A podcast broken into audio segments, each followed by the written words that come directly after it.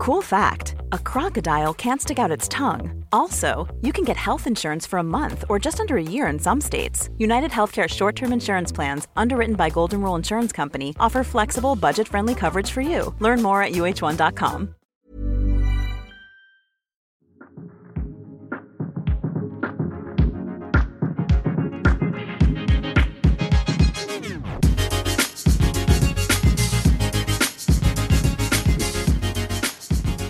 Starting the re- record. Starting the rec- Recording. the, the rekordelig. Hej Julia! Hej Julia. Hur är läget med dig idag? Det är toppen. Hur är det med dig? Jag fick, jag fick inget så här, "Mm, okej. Nej. Det, är brukar vara standard. Men Ja. gud vad kul att höra, verkligen. Hur är det själv? Det är bra. Jag är trött. Det känns som att det är mitt standardsvar nu. Gud Ja, vad... jag är trött. Ja, men jag är trött. Men du är trött på livet i alla fall. Nej, Nej, det är där är bra. det toppen. Där är det prima ballerina. Just det. När det Just är det. ballerina då är det riktigt bra. Som Ja. jag sagt. Ja. Oh, jag har sett sån här man kan köpa med extra när fyllningen är på, eller på, är på Den tub. smak- Den, den, nej, Är den inte den är inte god. Den är inte god. Fan, jag tänker den på typ så här, du vet, på glass eller något kan man gå. Ja, den, då är det faktiskt rätt god. Ja. Den stelnar faktiskt på glass. ja, jag kan förstå det. Mm. Så det är ganska gott. Så det är ganska gott, vad kul. Jag har kollat på den mycket jag bara, mm, alltså det där kommer jag äta alldeles för mycket av om jag köper. Så jag har inte köpt den. Nej. Du, vad ska vi göra idag då? Ja, som jag det så ska vi ha en liten intervju med ingen mindre än Julia Nyqvist. Våran gäst idag. Våran gäst. Ska vi ringa upp Ja. henne? Ska? Ja, jag ringer upp henne. Dun, dun, dun. Ja. Skype-signaler. Den är fan härlig. Nej, men planen idag är väl att du i princip ska intervjua mig om eh, min bulimi och dess lika. Precis. Och jag tänker nästan att vi hoppar in på en gång. Det är lika Ehm. bra. När, jag vill börja prata om när började din bulimi? Det här är ju en av de första frågorna som man får när man kommer till ätstörningsenheten. Um, och det är, jag tror det kan vara så för väldigt många att det är väldigt blurrigt uh, när det börjar. Um, just hetsätning kan jag tänka mig att jag har haft i princip hela mitt liv. Um, men jag har aldrig haft ångest över min hetsätning. Um, jag har alltid velat ha någonting att äta och det är liksom, jag har ju aldrig, det är inte bara att man går och småäter utan det är liksom lite av det, lite av det, lite av det, lite av det tills det kommer upp till en väldigt stor mängd av allting. Um, för mig har hetsätning aldrig handlat om att äta stora mängder mat eller som det kan vara för vissa att äta flera tusentals kalorier, liksom upp till 10 000 bara moffa i sig allting. Utan det har mer varit just det hetsiga i att leta efter någonting så maniskt att proppa i sig. Um, men hetsätning då har jag haft väldigt länge utan ångest. Um, och jag tänkte aldrig på det uh, förrän jag började på en tävlingsdiet. Ehm, det var, jag trodde att jag hade vanliga cravings eh, som alla andra. Men sen så blev de här cravingsarna alldeles för brutala.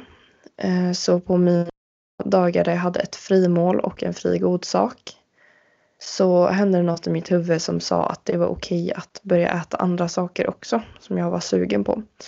För jag ansåg att när jag ändå går på en sån strikt diet och ätit ett skitmål så var hela min dag förstörd och då kunde jag lika gärna äta mycket mer. Eh, I början, de första gångerna, så var det inget mer med det. Jag tänkte inte på det. För det var ju ändå så långt kvar till scenen att jag tänkte att det här kommer ju ändå inte märkas speciellt mycket. Och desto mer tiden gick, eh, desto mer insåg jag att det här funkar inte. Så till en början, eh, det här var alltid på lördagar då, för det var då jag fick mitt frimål och min fria godsak. Eh, folk brukar skratta när jag säger fri godsak men det är för att min coach har skrivit så. Det är en efterrätt, en glass, godis eller vad som helst. Eh, Och efter ett tag så började jag känna då att det här kommer inte funka. Det kommer ju synas på invägningen nästa vecka.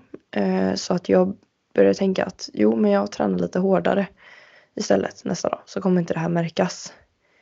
Eh, och jag körde ju redan fruktansvärt. Alltså träningen var ju redan på max och kosten var på väg ner mot minimum. Så det gick ju inte till slut. Jag kunde ju inte träna hårdare. Det var omöjligt. Jag kunde inte springa snabbare intervaller. Jag hade redan löpandet på max. Jag fick ont i knäna och springa så mycket varje gång och så fort och så kraftfullt. Så det gick inte. Min kropp orkade inte förbränna upp det här extra som jag ansåg var för jävligt att ha tryckt i mig. Och jag vill också säga att det var inga större mängder. Det var om jag till exempel fick hamburgare, pommes och en glass så kanske det var att jag tog 50 gram extra glass eh, eller 10 chips eller två godisar. Men det var ju just det här att det var förbjudet och det gav mig jättemycket ångest. För jag berättade ju aldrig det här för min coach eller jag höll det inom mig. Eh, och när det då inte gick att träna hårdare så jag minns första gången som jag med vilje gick och satte fingrarna i halsen då. För att alltså det här blir varje gång jag, jag, jag, jag har inte ont av att prata om min bulimi men just när det blir så här så får jag direkt tårar i ögonen. Det var samma som, det vet jag i min Youtube-video om min bulimi så var jag inte alls beredd på att jag skulle börja gråta. Eh, men det är någonting i en som gör så ont av att gå in på vad som faktiskt hände. Det var, jag minns det så tydligt att jag gick och satte fingrarna i halsen. Eh, det kom ju inte, alltså det är ju, det är inte normalt för en kropp att göra så. Så att jag, det var inga stora spyor direkt. Men jag fick upp en del.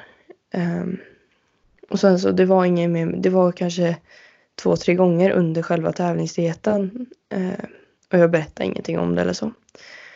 Sen efter tävlingen, eh, efter första tävlingen, så fick jag ett frimål och eh, lite godis. Och det var inget problem med det. Liksom. Jag såg ju fram emot nästa tävling som var efter en vecka. Eh, och då gick det en vecka. Jag körde min andra tävling. Eh, och efter det så sneade det totalt. Jag åt alldeles för mycket av allting samma dag. Um, jag mådde fruktansvärt, jag har aldrig mått så dåligt i hela mitt liv. Jag, det var inte större mängder mat men kroppen klarar inte, alltså kroppen har ju varit på svält. Så att äta en burgare och en pasta och bullar och smaka lite på all godis och äta glass. Min kropp orkade inte det. Så jag, den natten kunde inte jag sova en enda sekund och jag gick ut på toa och kaskad spydde upp allting. Men det handlade inte om bulimin på samma sätt. Det var inte jag som liksom kallade fram det här. Eh, och sen så fortsatte det så här att jag åt allt jag var sugen på. För att när man går av scenen så har man inte längre ett mål på samma sätt. Man tänker bara, men varför ska jag äta som dieten? Jag är sugen på choklad, varför ska jag inte äta choklad? Jag har ingen anledning att inte äta det här. Och det är jag väldigt säker på att det känner 80% som går av scenen. De äter allt som de varit sugna på för att det finns ju ingen anledning till att inte göra det. Um, och jag pratade med min coach och jag skulle ta en vecka ifrån träning och fortsätta äta enligt mitt kostschema. Uh, det hände aldrig. Jag började äta vad jag kände för, allt som jag varit sugen på. Um, och på kvällarna så snedare då. Och jag började äta massa mackor och massa godis, chips, allt som jag tycker om. Eh, och fick då ångest för jag såg hur fort min tävlingsform försvann och visste att det här kommer försvinna jättefort av att jag fortsätter så här. Så jag tyckte ju att då kan jag lika gärna spy upp det. Eh, och så fortsatte det. Eh, jag hetsåt kanske fem dagar i veckan och spydde lika många gånger. Jag, jag hetsåt aldrig utan att spy. Eh, jag har inte riktigt använt träning som ett lika hårt medel inom bulimin. Utan det har mer varit någon... Alltså det har ju fortfarande varit ångest när jag har ätit. Att jag känner att Men jag får springa lite extra imorgon eller så. Men det har inte varit sådär att jag har maniskt tränat direkt efter jag hetsätit eller så. Vilket jag vet att vissa kan ha problem med. Men eh, ja, det var väl så det började och så det fort, fortlöpte ut i en riktig bulimi. Och jag sa ju hela tiden under, det vet jag att jag sa till bland annat dig, eh, under dieten att fortsätter det här efteråt så lovar jag att söka hjälp. Och det är nog det bästa löftet jag har eh, sagt för att det gjorde ju att jag var tvungen att söka hjälp själv efter tävlingen när jag insåg att det här är bulimi. Utan att försöka försvara sporten, tror du att du hade mått så här dåligt om du inte hade tävlat? Nej. Um, det är just... Men samtidigt så tror jag fortfarande att jag hade haft hetsätning. Och att det skulle kunnat mynna ut i bulimi, mynna ut, ja, trappas upp snarare. I bulimi förr eller senare. Eh, om jag skulle börja må väldigt dåligt över min kropp. Men det är ju just det här med kroppsfixeringen och förbuden som gjorde att min hetsätning funkade ju inte längre. För att man ska ju gå ner i vikt, man ska rapportera, man ska droppa i vikt hela tiden. Eh, och det gick ju inte ihop. Så jag var tvungen att lösa det. Eh, och jag känner att jag var, väl, jag, är en sån, jag var en sån person som är väldigt, väldigt benägen att utveckla en ätstörning med tanke på min syn på min kropp. Hur, efter tävlingen, ehm, det var ju då det blev som värst. Hur gick du, hur fick du dig själv att må bättre? För du fick ju inte hjälp. På grund av corona så fick du ju inte hjälp. Hur klarade du av att må bättre på egen hand? Vad gjorde du? Um, det som jag började med, vilket inte hjälpte egentligen, eh, var att eller jo, jag pratade mycket med folk runt om mig. Eh, jag, jag har hela tiden varit väldigt öppen med det här. Eh, det tog ett tag innan jag gick ut på sociala medier om det. Men jag har hela tiden pratat väldigt mycket med dem runt om mig om det, vilket är både en för och nackdel. Um, så det var det första steget att prata väldigt öppet om det och liksom inse hur sjuk man är. Um, och sen så, då, så sökte jag hjälp och det var också ett stort steg i rätt riktning. Sen fick jag avslag. Eh, eller vad man ska för kalla att, det. För att få lite tidsperspektiv också. Du tävlade i december, sista tävlingen. Mm. Och i slutet av december var det väl du sökte? Mm, precis. Mm. Och jag kom in på mitt första möte i början av januari, har jag för mig. Också för de som inte förstår, hur går en sån här, när du söker för att få hjälp, hur går det till? Um, man går in, jag har för mig att jag bara googlade egen remiss ätstörningsenheten Uddevalla. Så kom jag in på en sida där man kunde göra en egen remiss då. Eh, skriva om sina problem.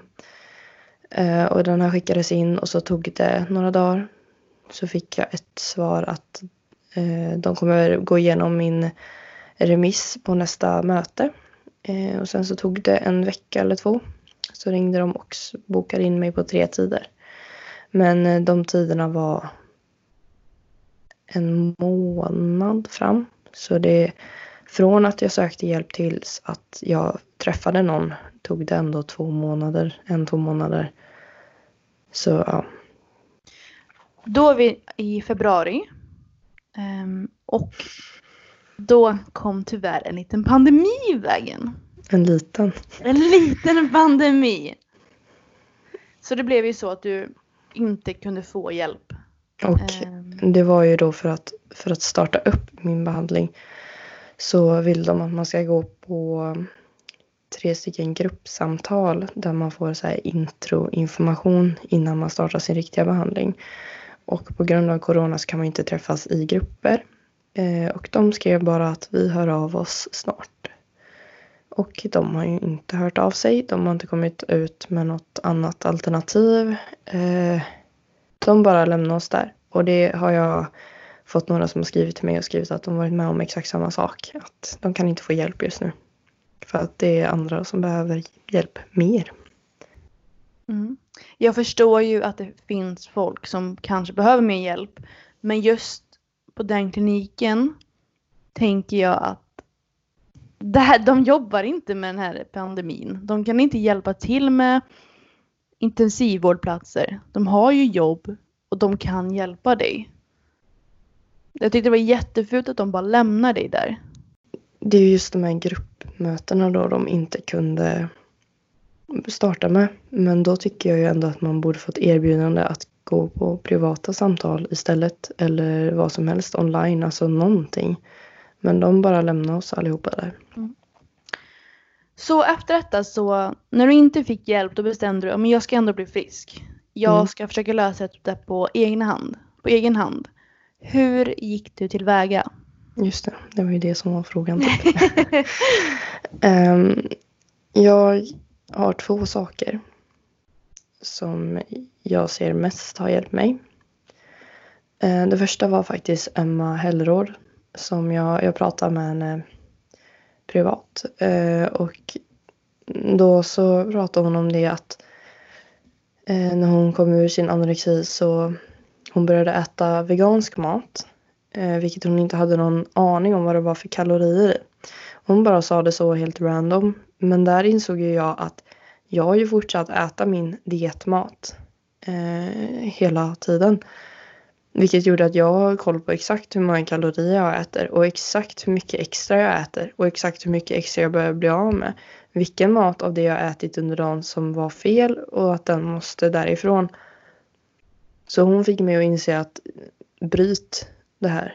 Ät någonting som du inte har någon aning om hur många kalorier det är i. Just för att inte ens kunna ha ångest. För jag vet inte om det är 100 kalorier eller 1000 kalorier. Um, Vilket ja. bra tips, verkligen. För att om du äter om du äter liksom massa glass varje dag, du vet att ja, men, enligt dig så är glass dålig mat.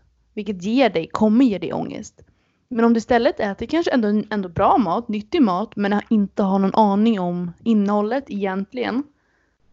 Då, alltså jag tyckte det var skitbra tips. Ja, och det, alltså Emma kom på det själv också när hon sa det att jävlar ja, det var ju en av faktorerna som till att hon blev frisk då.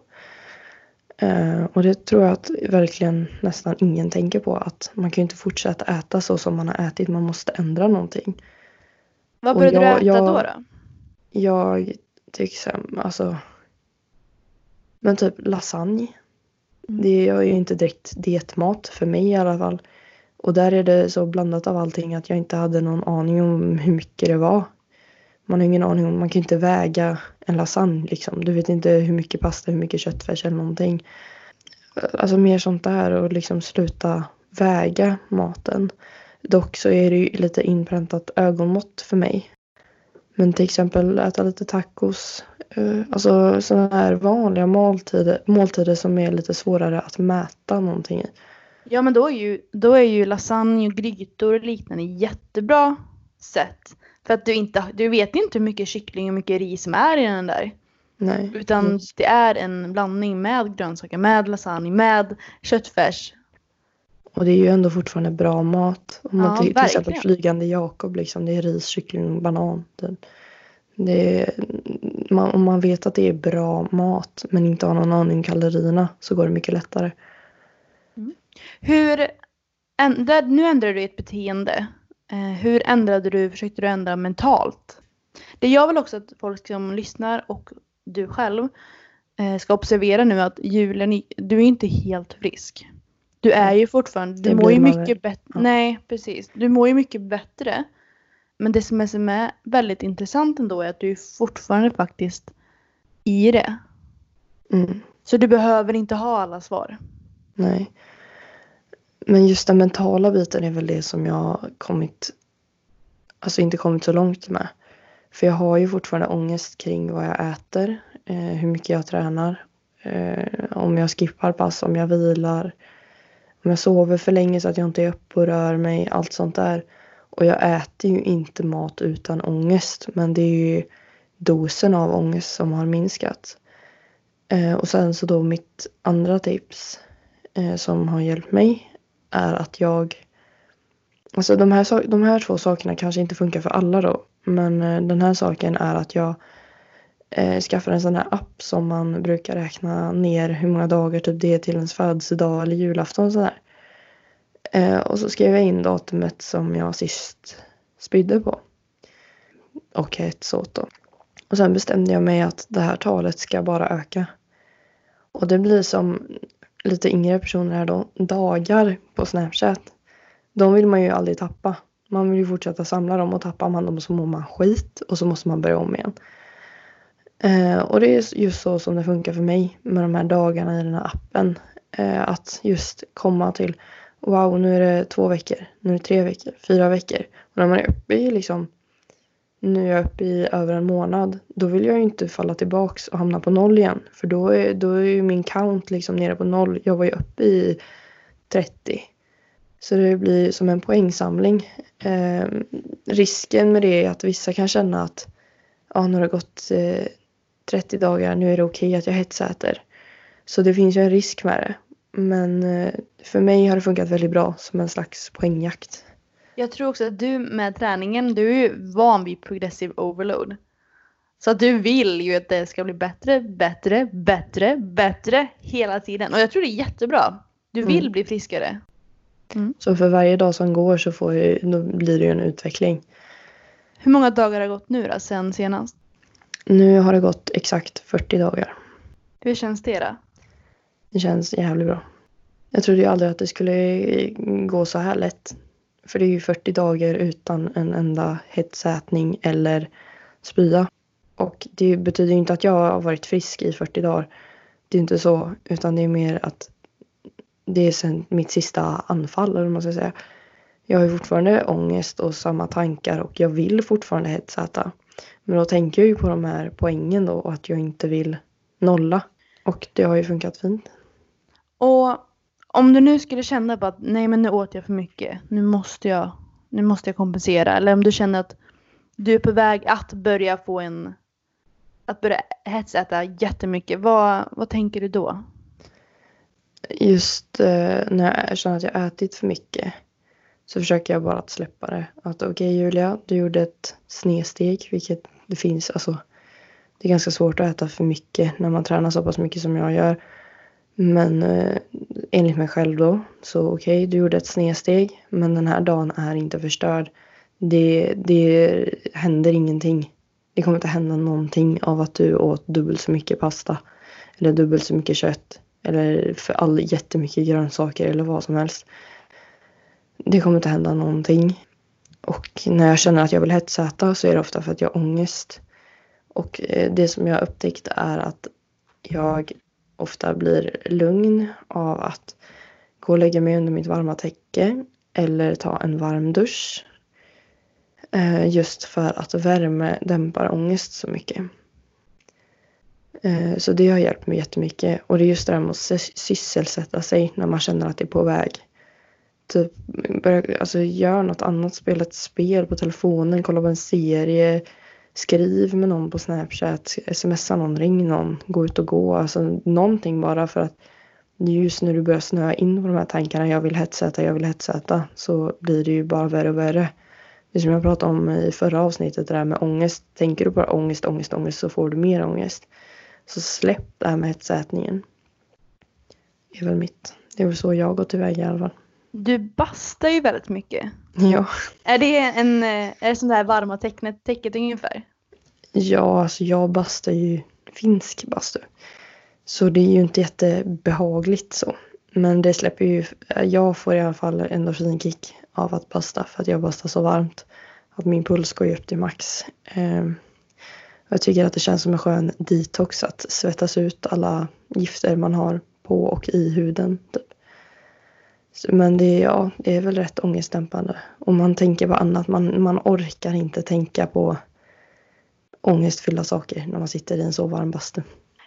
Det jag också tänker på är att många hetsäter, alltså det är ju normalt beteende att ibland hetsäta. Alltså man är sugen och kanske äter lite mycket och det är, det är ett normalt beteende att göra det ibland. Vad, när blir det, när blir det ett problem? Det, jag tycker att det blir ett problem så fort ångest kommer. För att ångest påverkar oss så mycket som människor. Eh, och får man ångest över mat så har man ett problem som man behöver ta tag i. För mat är bränsle för oss människor och det är inget konstigt med mat. Så när man känner att om man, om man börjar tycka att jag äter för mycket mat eller ja, egentligen jag äter för mycket mat. Det är ju det alla, nästan alla ätstörningar handlar om. Att om man tycker att man äter för mycket mat. Då har man ju ett problem. För vad är för mycket mat? Och antagligen så äter du inte för mycket mat. 90 procent av fallen så äter inte personen för mycket mat. Absolut inte. Så det är just direkt när ångesten kommer in i, i fallet då som jag anser att man direkt ska söka någon typ av hjälp. Sen ätstörningsenheten är inte jättelätt att få hjälp på om man inte har väldigt tydliga, ja väldigt tydliga, om man inte har väldigt tydliga tecken eh, på ätstörning så är det väldigt svårt att få hjälp där. Men då finns det ju psykologer som man kan vända sig till på till exempel ungdomsmottagningen och liknande. De finns ju där. De är inte inriktade på ätstörningar på samma sätt. Men de kan fortfarande hjälpa dig att hantera ångesten kring det här och arbeta djupare varför man känner ångest och vad man kan göra åt saken. Och, ja, det finns ofta hjälp. Väntar ni sex år så kan ni komma till mig. För jag kommer specialisera mig till ätstörningar förmodligen. Jag kan så, redan rekommendera henne. Hold on sex år om ni klarar det så då kan ni ringa mig. Du la ju upp en jättebra på Instagram och frågade om ni hade någon, några frågor eh, mm. till dig angående det här. Så jag tänker att jag tar en fråga därifrån. Yes. Den här tycker jag är väldigt bra att börja med. Hur vet jag att jag har det? Och hur ska man göra för att förstå det själv? Som jag har pratat lite om tidigare så är det just det här med när ångesten kommer in i det. Ehm, det är ju svårt att se själv vad ett onormalt beteende är. Men jag tror att det är mycket för en normal relation till mat ska inte innehålla ångest. Sen så finns det ju såklart olika grad av ångest. Eh, jag tror att väldigt många människor har ångest över just mat. Eh, men just när det kommer lite väl ofta och över situationer som inte man har haft ångest över tidigare så är det stor risk för ätstörning, att man har en ätstörning. Eh, sen så är det ju också att man kan lyssna på folk. Um, till exempel om någon som lyssnar nu känner igen sig mycket av det jag säger så är det stor risk att du har bulimi eller något liknande. Om du, du kan ju läsa på, om man, om man nu undrar, har jag den här ätstörningen? Läs lite om ätstörningen. Jag vet du och jag satt ju och liksom typ googlade lite om olika konsekvenser och eh, Bi, ja, men, ja. symptom på bulimi. Eh, och då konstaterar vi ganska snabbt att det är bulimi. Man ska ju ofta inte, man ska ju helst inte självdiagnostisera. Det är ju liksom googlar man att man har en prick i pannan så kommer det fram att man har cancer. Liksom. Det, men eh, just med ätstörningar så det handlar ju om känslomässiga grejer. Det är psykiskt så där kan man ofta Känner man igen sig väldigt mycket i det som står så är det nog stor risk att så är fallet. Jag tänker också att man kanske ska du behöver inte prata direkt med en eh, gå till ätstörningskliniken på en gång utan du kan börja med att diskutera med kompisar, med familj och fråga om det här är ett normalt beteende. Sen så är det inte just bara för att jag hade väldigt lätt att prata om det så betyder det absolut inte att det är lätt. Eh, sen så som jag sa tidigare så är det bara både konsekvenser och fördelar med att vara så öppen genom att jag har varit så öppen och delat med mig på sociala medier och pratat så mycket med vänner så känner jag att folk inte tar mig lika seriöst som att jag inte är sjuk bara för att jag kan prata om det så öppet och liksom säga typ att ah, nu har jag spytt igen eller sådär. Liksom att folk anser att man gör det för uppmärksamhet typ. Eh, och att jag pratade om det redan från början innan, det blev, innan jag konstaterade att det blev liksom bulimi. Att jag liksom funderade på, tänk om det är det här. Så det har liksom blivit så normaliserat runt mig att det knappt, att jag ibland knappt känt mig sjuk. Att det är så normalt samtalsämne och att det är så normala grejer som händer mig att det börjar bli en vardag. Att man ser inte ens problemet längre. För att man tänker att ja, men det här är ju jag, det här är normalt. Men det är ju också skönt att ha konstaterat det så väl att det är en sjukdom och att man söker hjälp och att man behöver hjälp. Och, ja, det man borde ha någon balans där då mellan att vara för öppen och oöppen. Ehm, men balans är ju som sagt väldigt svårt. Väldigt, väldigt svårt. Men jag tänker också att man behöver, inte, man behöver ju inte prata om det på sina sociala medier. Men prata med dina kompisar, din mamma eller din bror. Prata med någon om det. Och jag tror också, jag har ju mått lite dåligt. Jag har haft dåliga relationer med mat efter jag gick ner så mycket vikt. Jag pratade inte med folk om det. För jag ville inte att folk skulle stoppa mig. Och jag ville inte att folk skulle börja tvinga mig att inte träna. Så jag tror också ett stort tips är att våga prata om det. Och tro inte att de kommer försöka förstöra för dig, utan de vill hjälpa. Våga prata med andra och våga tänka att du kanske inte är dina vanor kanske inte är perfekta, en grej. Och bara för att du mår dåligt så kommer inte de tvångs... Alltså de kommer inte tvinga dig att äta. De kommer inte tvinga dig att sluta träna. De kommer inte tvinga dig att göra någonting. Det kanske bara, du kanske mår bättre, det kanske hjälper att du bara pratar med någon. Det kanske, det kanske är det enda du behöver göra. Du kanske inte behöver gå till en ätstörningsklinik. För alla fungerar olika. Sen så av att jag var så öppen, det är en till fördel med att vara så öppen, så kände jag ju, och det är en fördel och nackdel där också, att jag konstant hade som övervakningskameror runt om mig. Att de runt om mig såg ju. Och liksom skulle ju lägga märke till om jag gick ifrån efter maten eh, i skolan eller började äta massa kakor eller vad som helst. Så jag kände ju mig konstant övervakad och jag tror faktiskt att man behöver det. Även om det känns väldigt jobbigt och samma Vissa kommentarer kan ju svida väldigt hårt och vara väldigt jobbiga. Just det här typ att Ska du verkligen äta så mycket? Eller ska du verkligen äta det där nu? Eller ska du verkligen ta en bulle eller vad som helst liksom för att de tänker att det triggar igång det här då att jag ska börja hetsäta och att det inte är bra för att jag, hon kommer ändå gå och spy sen och det kan ju skära väldigt hårt men det är ju egentligen för ens eget, de vill ju bara ens eget bästa. Men det kan ju träffa lite fel ibland. Um, men det är just det här med att ha folk runt om en som försöker. Det ger så mycket. Då kan vi gå vidare till nästa fråga. Vilket är hur ska man som, som vän eller som anhörig eller som nära personen, hur ska man hantera? Hur ska man reagera? Hur, vad ska man göra? Grejen är att just bulimi då så blir man ju ofta, om det ligger liksom framme chips och godis på ett bord så är det väldigt svårt att hantera sig. Men man, det man absolut inte vill höra eller alltså om någon skulle säga, det, man, blir, man blir väldigt manisk när man kommer in i sin hetsätning.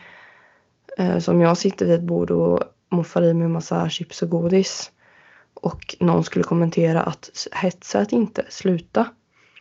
Då skulle jag bara bli jättearg och hetsäta ännu mer och spy ännu mer sen. Eh, men det funkar ju såklart säkert alla, olika för alla. Jag har ju inte hört någon annan prata om bulimi så mycket så jag vet ju inte hur det är för andra. Eh, men för mig så har det mer hjälpt att ha bara folk runt om en som vet om och finns där när man får de här ångestattackerna och liknande. Men inte som sitter där med en pekpinne och säger vad man ska göra och inte göra för det får man ta i sin egen takt och göra på sitt eget sätt. Eh, och de är ju inte utbildade. De har ingen aning om hur man ska göra eller vad man ska säga eller hur man ska agera, vad man ska äta eller något sånt. Eh, så jag tänker just främst på innan eller om man inte ens får hjälp så ska man inte göra jättemycket egentligen just för bulimi utan mer finnas där känslomässigt, inte lägga sig i maten så mycket. Kanske inte ställa fram fem olika chipskålar och jättemycket godis och de här sakerna som triggar personen. Men jag tänker också att, att, att, när man hetsäter, när man spyr och liknande. Det gör man ju för att man, det man tror, man, det man äter är fel. Man har ju en känsla av att den maten jag får i mig nu, det är dålig mat, det är fel mat. Så att normalisera vanlig mat kan ju vara en grej. Att inte mm. göra en stor grej och inte kommentera åh nu ska jag gå ner 10 kilo här och ni, alltså försök att bara ha en normalisera vanlig kost. Mycket som har triggat mig är när folk har kallat mat no nyttig och onyttig. Klart att det finns men just alltså typ att åh nu ska jag äta en onyttig pizza eller liksom så här, åh ska du äta den maten eller alltså sånt där. För det, då har jag liksom så här, jaha, ja då kanske jag inte ska äta den maten eller alltså så. Och det gör jättemycket ångest. Um, så som du säger, normalisera maten mer och inte sätta stämplar nyttigt, onyttigt och så vidare. En, jag hade en fråga först, först på den här. När vi, jag var hos dig, då, när var jag där? Februari? Eller något? Mm, januari tror jag. Januari, okej. Okay. Mm. Någonstans där. Eh, utan att tänka på att jag sitter här, då började vi äta. Vi åt gifflar och vi bakade och tror du att det hjälpte eller kan blev det istället att du åt för mycket så att det blev en dålig effekt? Eller hur tror du att, ja förstår du min fråga? eller vart jag vill komma med detta?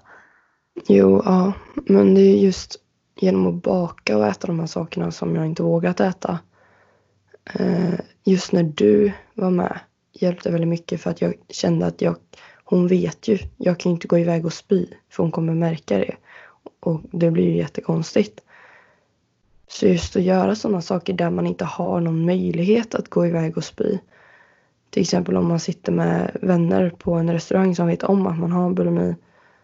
Eh, det är också ett väldigt bra sätt att träna. Just för att de kommer ju fatta om du går iväg ensam på toa. Eh, vad du håller på med. Och det blir ju inte pinsamt men det blir en väldigt konstig situation som man inte vill sätta sig själv i. Eh, det som var i början, som kan vara värt att tillägga, eh, som kan hjälpa lite kanske, är att när jag slutade spy så hade jag, då var det några gånger som jag fortfarande hetsåt. Det är ju ofta där det, man ska börja att sluta spy och sen kan du börja sluta hetsäta. Och de här första gångerna som jag hetsåt utan att spy hade jag sån fruktansvärd ångest. Jag hade ångestattacker, låg och skakade på natten. Det var som att jag slutat med droger.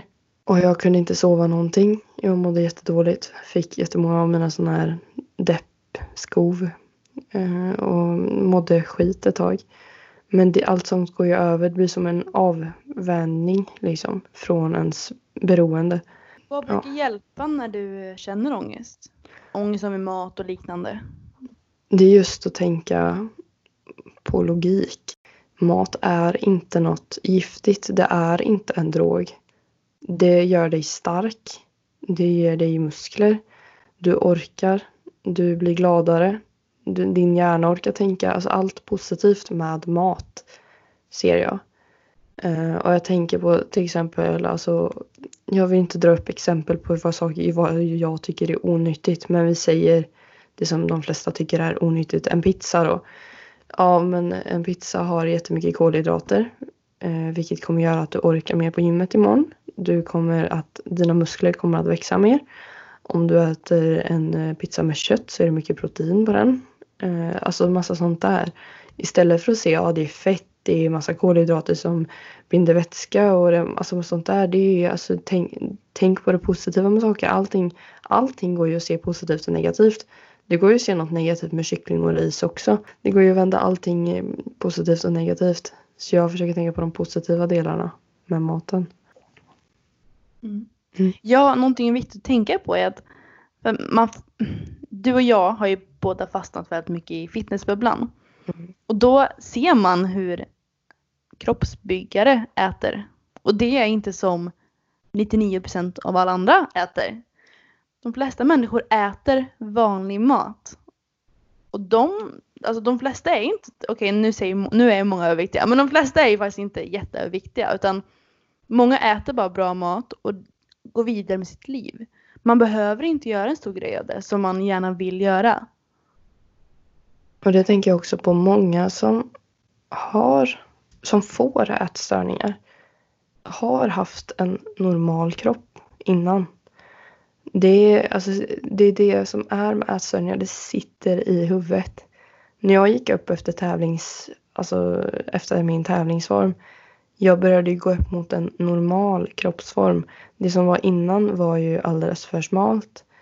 Eh, men det satt i huvudet att så där vill jag se ut. Och det är just det som blir problemet, att man har en annan bild av sig själv än verkligheten.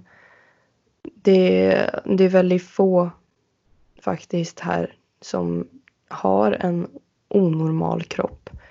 För det finns ingen normal kropp. Jag också tänkte på, när jag, om jag jämför mig med alla på Instagram, då kommer jag må dåligt av min kropp. I helgen så var jag på träningsgrej. Eh, och vi tränade ihop ett stort gäng, bara olika åldrar, tjejer och killar. Kollar man på deras kroppar, det var helt normala kroppar. Så fina kroppar, men det är ju inte Instagram-kroppar. De flesta, om du kollar, om du, om du är lite stalker och om du kollar i omklädningsrummet. Det, alltså de flesta är normala kroppar.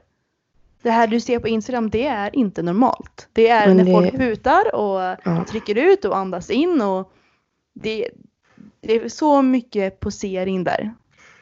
Ja, jag vill ju inte säga att jag visar upp en jättetydlig bild av hur min kropp ser ut på min Instagram. Men det är just för jag har en tränings-Instagram där jag vill visa mina muskler. Det är klart att jag står och flexar. Um, men det är, också... det, är inget fel att lägga ut bilder när man flexar utan man måste bara förstå. Mm. Jag tycker att det är fina bilder. Jag vill ju lägga ut dem. Det är ju för att jag tycker det är coolt med muskler. Jag tycker det är coolt när min latt poppar. Och då måste jag posera för att min latt ska poppa. Det handlar ju inte om att jag vill visa en annan bild av mig själv som jag inte är. Det handlar inte om att jag vill se smalare ut eller det handlar om att jag vill visa vad jag åstadkommit. Det är därför jag tävlar i fitness. För att jag vill visa mina muskler. Och det är därför jag lägger ut sådana bilder för att jag vill visa mina muskler. Inte för att jag ska se smal ut och ge en skev bild av verkligheten. Men det är också, alltså det är ju som du säger så det som vi ser på Instagram um, är ju inte normala kroppar. Och det var ett jättebra exempel att kolla på folk i omklädningsrummet. Det man, kanske, man ska ju inte sitta och glo på folk i omklädningsrummet. Men där har man ju en jättefin bild av hur det svenska folket faktiskt ser ut idag. Uh, och det är inte pinsmalt. För att pinsmalt är inte normalt. Alltså inget är normalt. Det finns inte normalt. Och det är där alltså ätstörningar det sitter ju i huvudet. Jag fick ju bulimi för att jag trodde att jag skulle bli smällfet. Jag tror inte, alltså jag kan inte bli smällfet. Det funkar inte så. Det är, det är klart att jag kan bli men det, det händer inte av att äta normal mat. Det händer inte av att äta det som jag äter. Det är inget fel med det. Det händer inte av att äta pizza. Det händer inte av alltså det. Nej, det sitter i huvudet och det är det som är problemet med ätstörningar. Att du måste vilja bli frisk själv. Du måste se problemet själv och du måste vilja lösa problemet. Klart att jag inte älskar min kropp så som den ser ut nu, alltså 100 procent.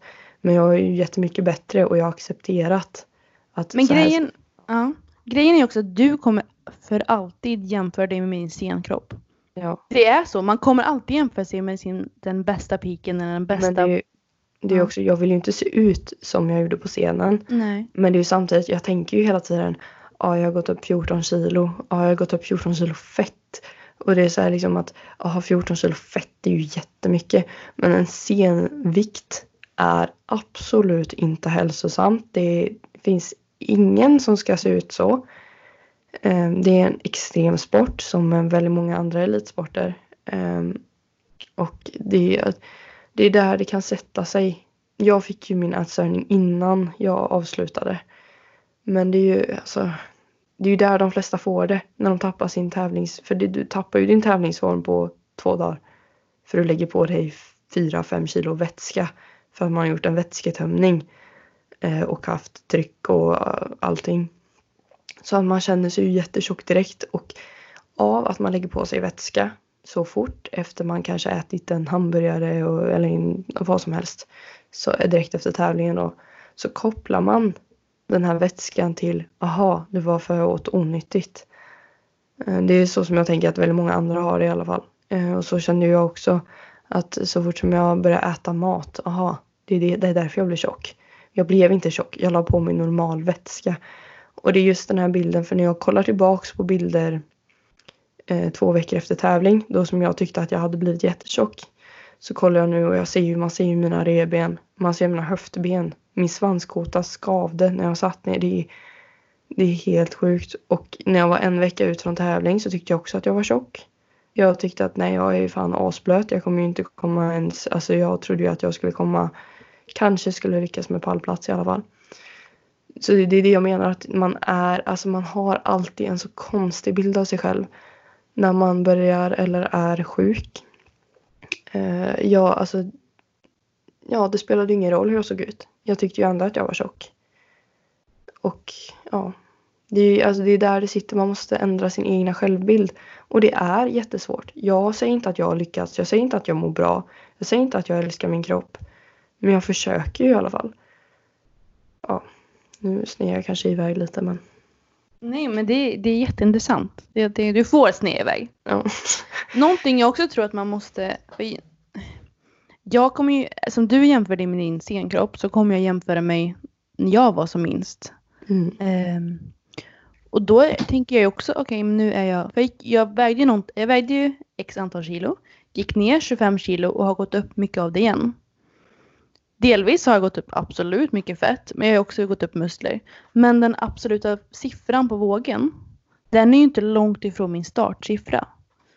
Och jag känner mig som en, att ett misslyckande att jag nästan gått upp det som gick ner. Och jag måste sluta kolla på siffran på vågen, för det spelar ingen roll. Det är också en sån grej att när, så fort jag började träna så slutade jag jämföra min kroppsvikt med andra. Och det, ja, egentligen så är min kroppsvikt lite normaliserad för mig själv. För att jag skiter i om jag, nu tar vi extrema siffror istället för att jag vill inte säga min kroppsvikt för att det kan trigga. Om jag väger 200 kilo och min kompis som inte tränar väger 100 kilo, då skiter jag i. För att jag tränar, jag kan inte jämföra mig med henne. Jag, eh, alltså bara av att träna så binder man jättemycket vätska. Det kan man ju märka så fort man vilar så går man ju ner jättemycket. Det är inte fett man går ner och det är inte muskler, det är vätska. Um, så man binder jättemycket vätska av att träna. Och um, muskler väger, alltså är, väger muskler mer än fett? Per, per utrymme så väger muskler ja, mycket per, mer ja, än. Då mm. väger muskler mer än fett. Mm. För jag blir så förvirrad av det här. Men, ja. Så jag kommer ju alltid vara tyngre än mina tjejkompisar som inte tränar. Som är, om vi säger att de är lika långa och lika breda, samma kroppsform. Så att jag slutade jämföra med min vikt. Så där är det normaliserat. Men samtidigt så jämför jag mig själv med mig själv. Jag är som flera olika personer. Julia innan tävling, Julia innan träningens, Julia senvikt, Julia efter, direkt efter scenen och Julia nu. Det är, alltså, det är massa olika kroppsformer som jag jämför mig själv med både positivt och negativt att jag ser att jag har gått upp mycket i muskler för att jag har ungefär samma kroppsform men ändå väger jag mer och så ja. Så att jag jämför mig själv med mig själv. Eh, så det blir väl sämre på ett sätt så. Men eh, att jämföra sig med andras vikt eh, när man tränar och de inte tränar är inte aktuellt. Nej och det är lite så är det ju aktuellt såklart att, att kolla sin egna vikt. Men man måste förstå vad den säger. Den säger inte att du har gått upp i vikt. Eller oh, klart den säger att du har gått upp i vikt. Det. Den säger inte att du har gått upp i fett. Den säger ju inte att du har förlorat muskler. Den säger inte ditt värde. Den säger inte hur mycket vätska du har i dig. Du kan absolut väga dig och använda det om du förstår vad den säger och tar bort känslorna ifrån det. Alltså om man ska väga sig om vi ska vara helt konkreta så om man ska väga sig att det här ska gå att lita på så måste du, du kan inte ha mens. Du kan ju inte vara en kvinna då alltså. Du måste ju äta på exakt samma tidpunkter, exakt lika mycket, träna exakt lika hårt, mm, röra på dig exakt lika mycket varje dag, gå och sova exakt samma tid, gå upp exakt samma tid, dricka på millilitern exakt samma, äta exakt samma mängd salt. Alltså allt spelar så stor roll har du bastat en dag? Har du inte bastat? Har du ätit en extra tesked salt? Alltså det gör jättestor skillnad och därför går det inte så bra att kolla på en våg om man inte går på en strikt diet där man vet exakt vad man äter hela tiden och allt sånt. Det har jag märkt bara nu när jag går på en liten egen diet som inte är så strikt. Eh, absolut inte strikt. Eh, så har jag märkt att min vikt pendlar ju upp och ner flera kilo. Och det är just för att jag äter salt, jag dricker mycket vatten, jag tränar hit och dit och allt sånt. Där har vi ett tips. Eh, jag har två Instagram-tips eh, som jag tycker ni kan följa. Jack, Jackie, Jackie Macete. Svinbra tjej. Hon lägger upp mycket när hon väger sig men hon visar så här, ja, ah, nu gick jag upp så här mycket idag. Och berättar liksom att, ja, ah, jag mår inte dåligt av det utan jag åt för mycket salt igår. Eller liknande. Det är ett verktyg och det är ett nummer. Men det är inte mycket mer än det. Och, så hon tycker jag är svinduktig. Eh, följ henne om ni vill ha. Hon lägger ut mycket så här, hur mycket hon väger så det kan ju vara triggande för vissa. Men om du inte blir triggad av det så tycker jag absolut. Och sen tycker jag verkligen att Caroline KP, Caroline. Nej. Eh, vad heter hon? Caroline Pettersson. Petersson. Precis. Pet, Något sånt. KP. KP. Också svinbra. Eh, som jag tycker förklarar träning, eller speciellt kosten på ett faktamässigt sätt och blandar inte in känslor. Svinbra. Jag har en fråga till dig som jag tyckte var en jättebra fråga. Mm. Är din bulimi kopplad till några särskilda kroppskomplex eller beror det på till exempel kontrollbehov? Ehm, det är både och. Det blev ju mycket kontrollbehov eftersom jag gick från en diet. Så att där sneade ju. Jag har ju haft full koll i ett halvår. Ehm, och sen så släppte jag det helt. Vilket man absolut inte ska göra efter en tävlingsdiet. Det står jag jättehårt för att fortsätt din jäkla diet i några veckor, månader till med din coach. Det är jätteviktigt. Jag skulle säga att ungefär 90 procent av mitt fett lägger sig på min mage. Och det handlar om genetik. Det går inte att göra någonting åt. Jag har jättesmala ben. Man ser mina konturer på benen året runt liksom. Jag lägger inte på mig mycket fett på armarna. Alltså det handlar om bålpartiet som jag lägger på mig fett. Eh, och det bidrar mycket till ångest just med att när jag, till exempel när jag var liten. Eh, det, det, är en sak som kanske inte många som vet om mig. Att eh, jag var mobbad eh, fram till högstadiet. Och delvis var det just för att jag hade mycket fett på magen. Och då frågade, de retades och sa, ah, är du gravid eller haha, vem är pappan? Och liksom höll på, ska du verkligen äta så där mycket så din mage växer och höll på massa så. Och där sitter det nog väldigt hårt just att så fort, så fort jag går upp i vikt så sätter det sig på magen. Och jag ser någon tabu med att ha fett på magen för att det är någonting som folk ser hela tiden. Jag vet att folk som har mycket fett på benen mår väldigt mål, då, väl. Jag vet att folk som har mycket fett på benen kan tycka att de hellre skulle haft det på magen. Eh, samtidigt som jag tycker att fett på benen är så jäkla snyggt. Alltså jag, ska, jag, tycker, jag är så avundsjuk. För alltså jag har ju världens lilla minirumpa och eh, pinnben. Och skulle jag alla dagar i veckan satt mitt magfett där. Um, just för att jag har sådana komplex över min mage. Mycket på grund av mobbning. Um, och det är där mycket har suttit att jag inte vill gå upp i vikt för att jag vet att det sätter sig där direkt. Uh, men sen så är det den här sneda självbilden att jag har ju tyckt att liksom en vecka ut tyckte jag att ja, jag har ju fortfarande den här bullmagen. Um, vilket absolut inte stämde. Jag såg fruktansvärt smal ut. Um, och det sitter i huvudet och jag tror det alltid kommer sitta i huvudet. Andra saker som folk också sagt till mig kommer ju alltid sitta kvar liksom att jag, jag har ju komplex över alla de sakerna som folk kommenterat. Och mår dåligt över dem. Så det har både med komplex och kontrollbehov att göra. Det blir som när vi intervjuade Emma. Jag bara så här, ah, så intressant. Sitter och glöm, Ja, men glömmer att ställa frågor. Jag tänker att vi kan gå på sista frågan. Mm. Um, och det är hur berättar man att man har bulimi eh, utan att man har gått på en utredning, så man har inte på papper. Men hur berättar man det för familjen och vänner? Och speciellt, hur berättar man det för sin familj? Det är ju väldigt svårt. Eh, just för att folk ska ta en på allvar. Eh, men jag tror nog att, liksom att verkligen tydligt säga, alltså hur man säger det. Det finns inget smidigt sätt. Eh, till mina vänner skrev jag liksom ett meddelande på Snapchat och skickade iväg det och liksom bara Ja, jag har inte sagt någonting men eh, jag har bulimi. Så att du vet det liksom. Jag har bara skrivit meddelande. För det finns inget smidigt sätt. Det finns ju inte något så här fint sätt att lägga upp det eller något sånt där. Um, men så för att folk ska ta en på allvar är det väl liksom att skri skriva eller säga. Jag, jag föredrar att skriva. För att jag tycker inte alls att det är lika jobbigt.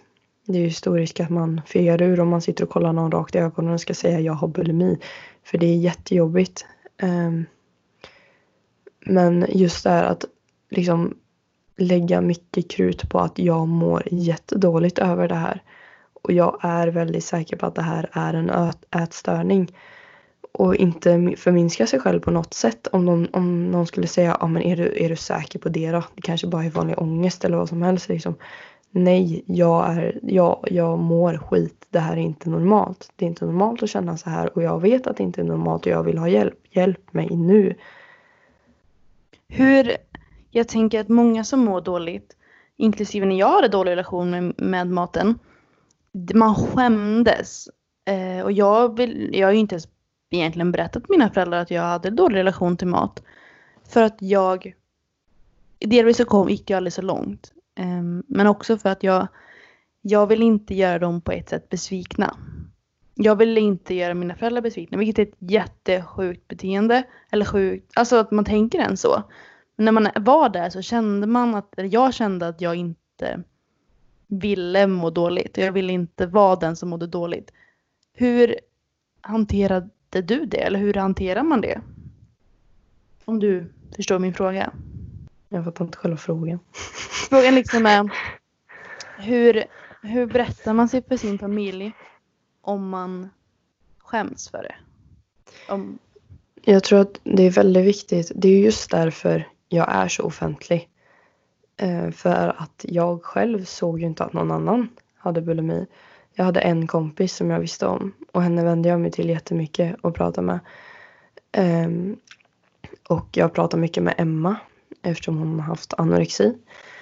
Um, det är just därför jag är offentlig för att jag vill typ normalisera det. Även om man inte kan normalisera det för mycket så att folk känner att ah, men det här är, det här är okej.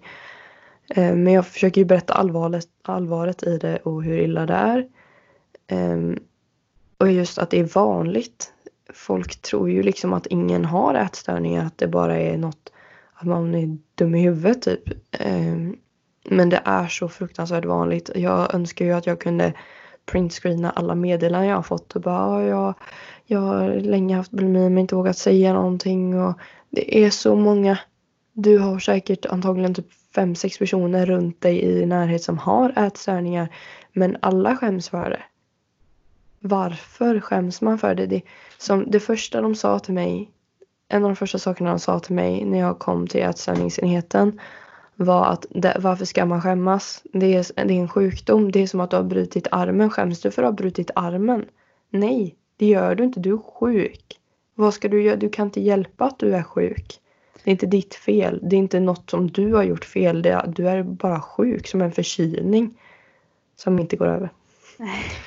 Det jag vill också påpeka är att försöka separera det här med, att, med, med sjukdomen, eller vad man vill kalla ätstörningen, och den du är som person. För du är inte din ätstörning. Och det är väldigt viktigt att förstå att om du mår dåligt så, är, så kommer du må bättre.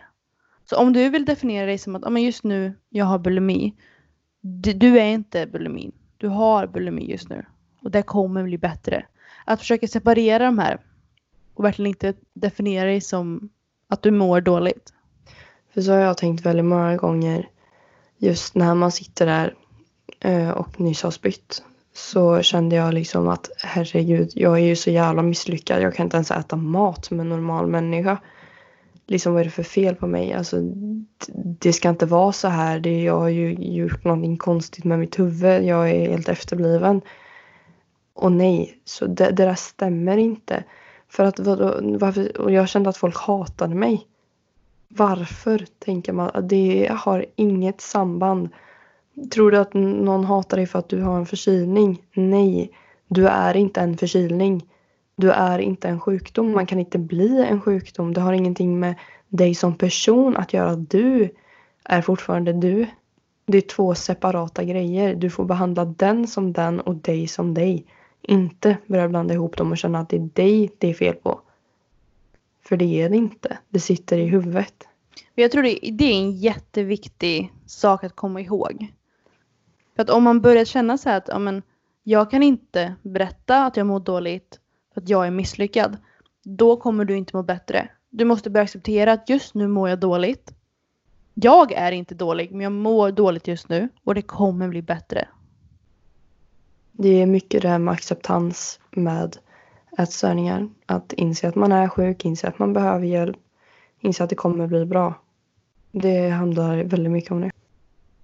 Jag vill tacka dig så himla mycket att du ville prata om detta, för det är inte lätt. Det är verkligen inte lätt, att, speciellt inte när man faktiskt är i det. Så jag vill tacka dig jättemycket för att du ville dela med dig. Ja, tack för att jag fick vara med. Ja. Nej, men jag tycker att det är väldigt... Alltså jag blir ju glad typ av att prata om det här. Fortfarande så är det ju väldigt jobbigt. Men det känns bra. För jag känner att jag gör någonting bra. För jag har inte själv sett någon speciell... Alltså om vi tänker inom träning så har inte jag sett en enda människa prata om det i stunden. Eh, när man väl är där. Och det är därför jag känner mig så Alltså man ska ju, man ska ju ha hybris om sådana här grejer. Att jag tycker att jag är så jävla bra som pratar om det här. Och jag har ju fått det sagt till mig så jag vet ju att det är sant att det är så jävla bra det jag gör. Och nu låter det som att jag är världens drygaste hybris här men, Nej men man ska vara det är jätteviktigt Ja, att verkligen. berätta vad som händer. Eh, klart att alla inte behöver göra det. Men jag kände för att göra det. För att jag vill visa, jag vill lära, jag vill eh, berätta. Mm. Hur, som sagt du är ju inte helt, helt bra. Eh, om man någonsin blir ens helt bra. Vad ska du göra nu? Vad håller du på att kämpa med just nu? Eh, just nu så kämpar jag med att äta ren mat. Ehm, och fortfarande inte bli manisk. Utan att liksom eh, känner jag för att äta en glass istället för keso så gör jag det. Och jag tar in sakta. Eh, det, jag moffar inte på med allting som jag är sugen på hela tiden. Utan det kan vara att, liksom att jag tar in en extra sak i veckan eller något sånt. Så att det inte blir det här kaoset igen. Mm. Och du som, om, du, om du som lyssnar mår dåligt. Det här Julia gör. Det behöver inte du göra. Det här funkar för henne. Du ska hitta ditt sätt att försöka må bättre. Det här är Julia gav. Jag tycker det är jättebra att du har verkligen berättat hur du gör. För det jag tror det kan inspirera många mer att kanske försöka själv och försöka få hjälp. Men du kan inte bara rent av kopiera vad Julia gör. För det kommer inte funka. För ni mår dåligt på olika sätt och ni kommer från olika... Ni har olika tankar. eh, Och du kommer behöva göra din egna väg. Jag har ju inte pratat jättemycket under det här samtalet för att jag har velat att du ska berätta och att du ska få styra upp hur du vill berätta detta lite på eget sätt. Mm. Ehm, Och jag tror att du gen, me, me, mest genuint, på det mest genuina sättet har kunnat förmedla det du vill ha sagt. Mm. Verkligen. Ja. Du, jag Mm. tackar återigen verkligen för att du ville dela med dig. Tack själv. Och jag är riktigt stolt över dig Julia, det ska du veta. Det är faktiskt jag med. Ja, kul att höra. Ja. Verkligen. Du, vi hörs igen nästa vecka. Det gör vi. Det var jättebra Julia. Detsamma. Tack för idag. Slut Tack för idag.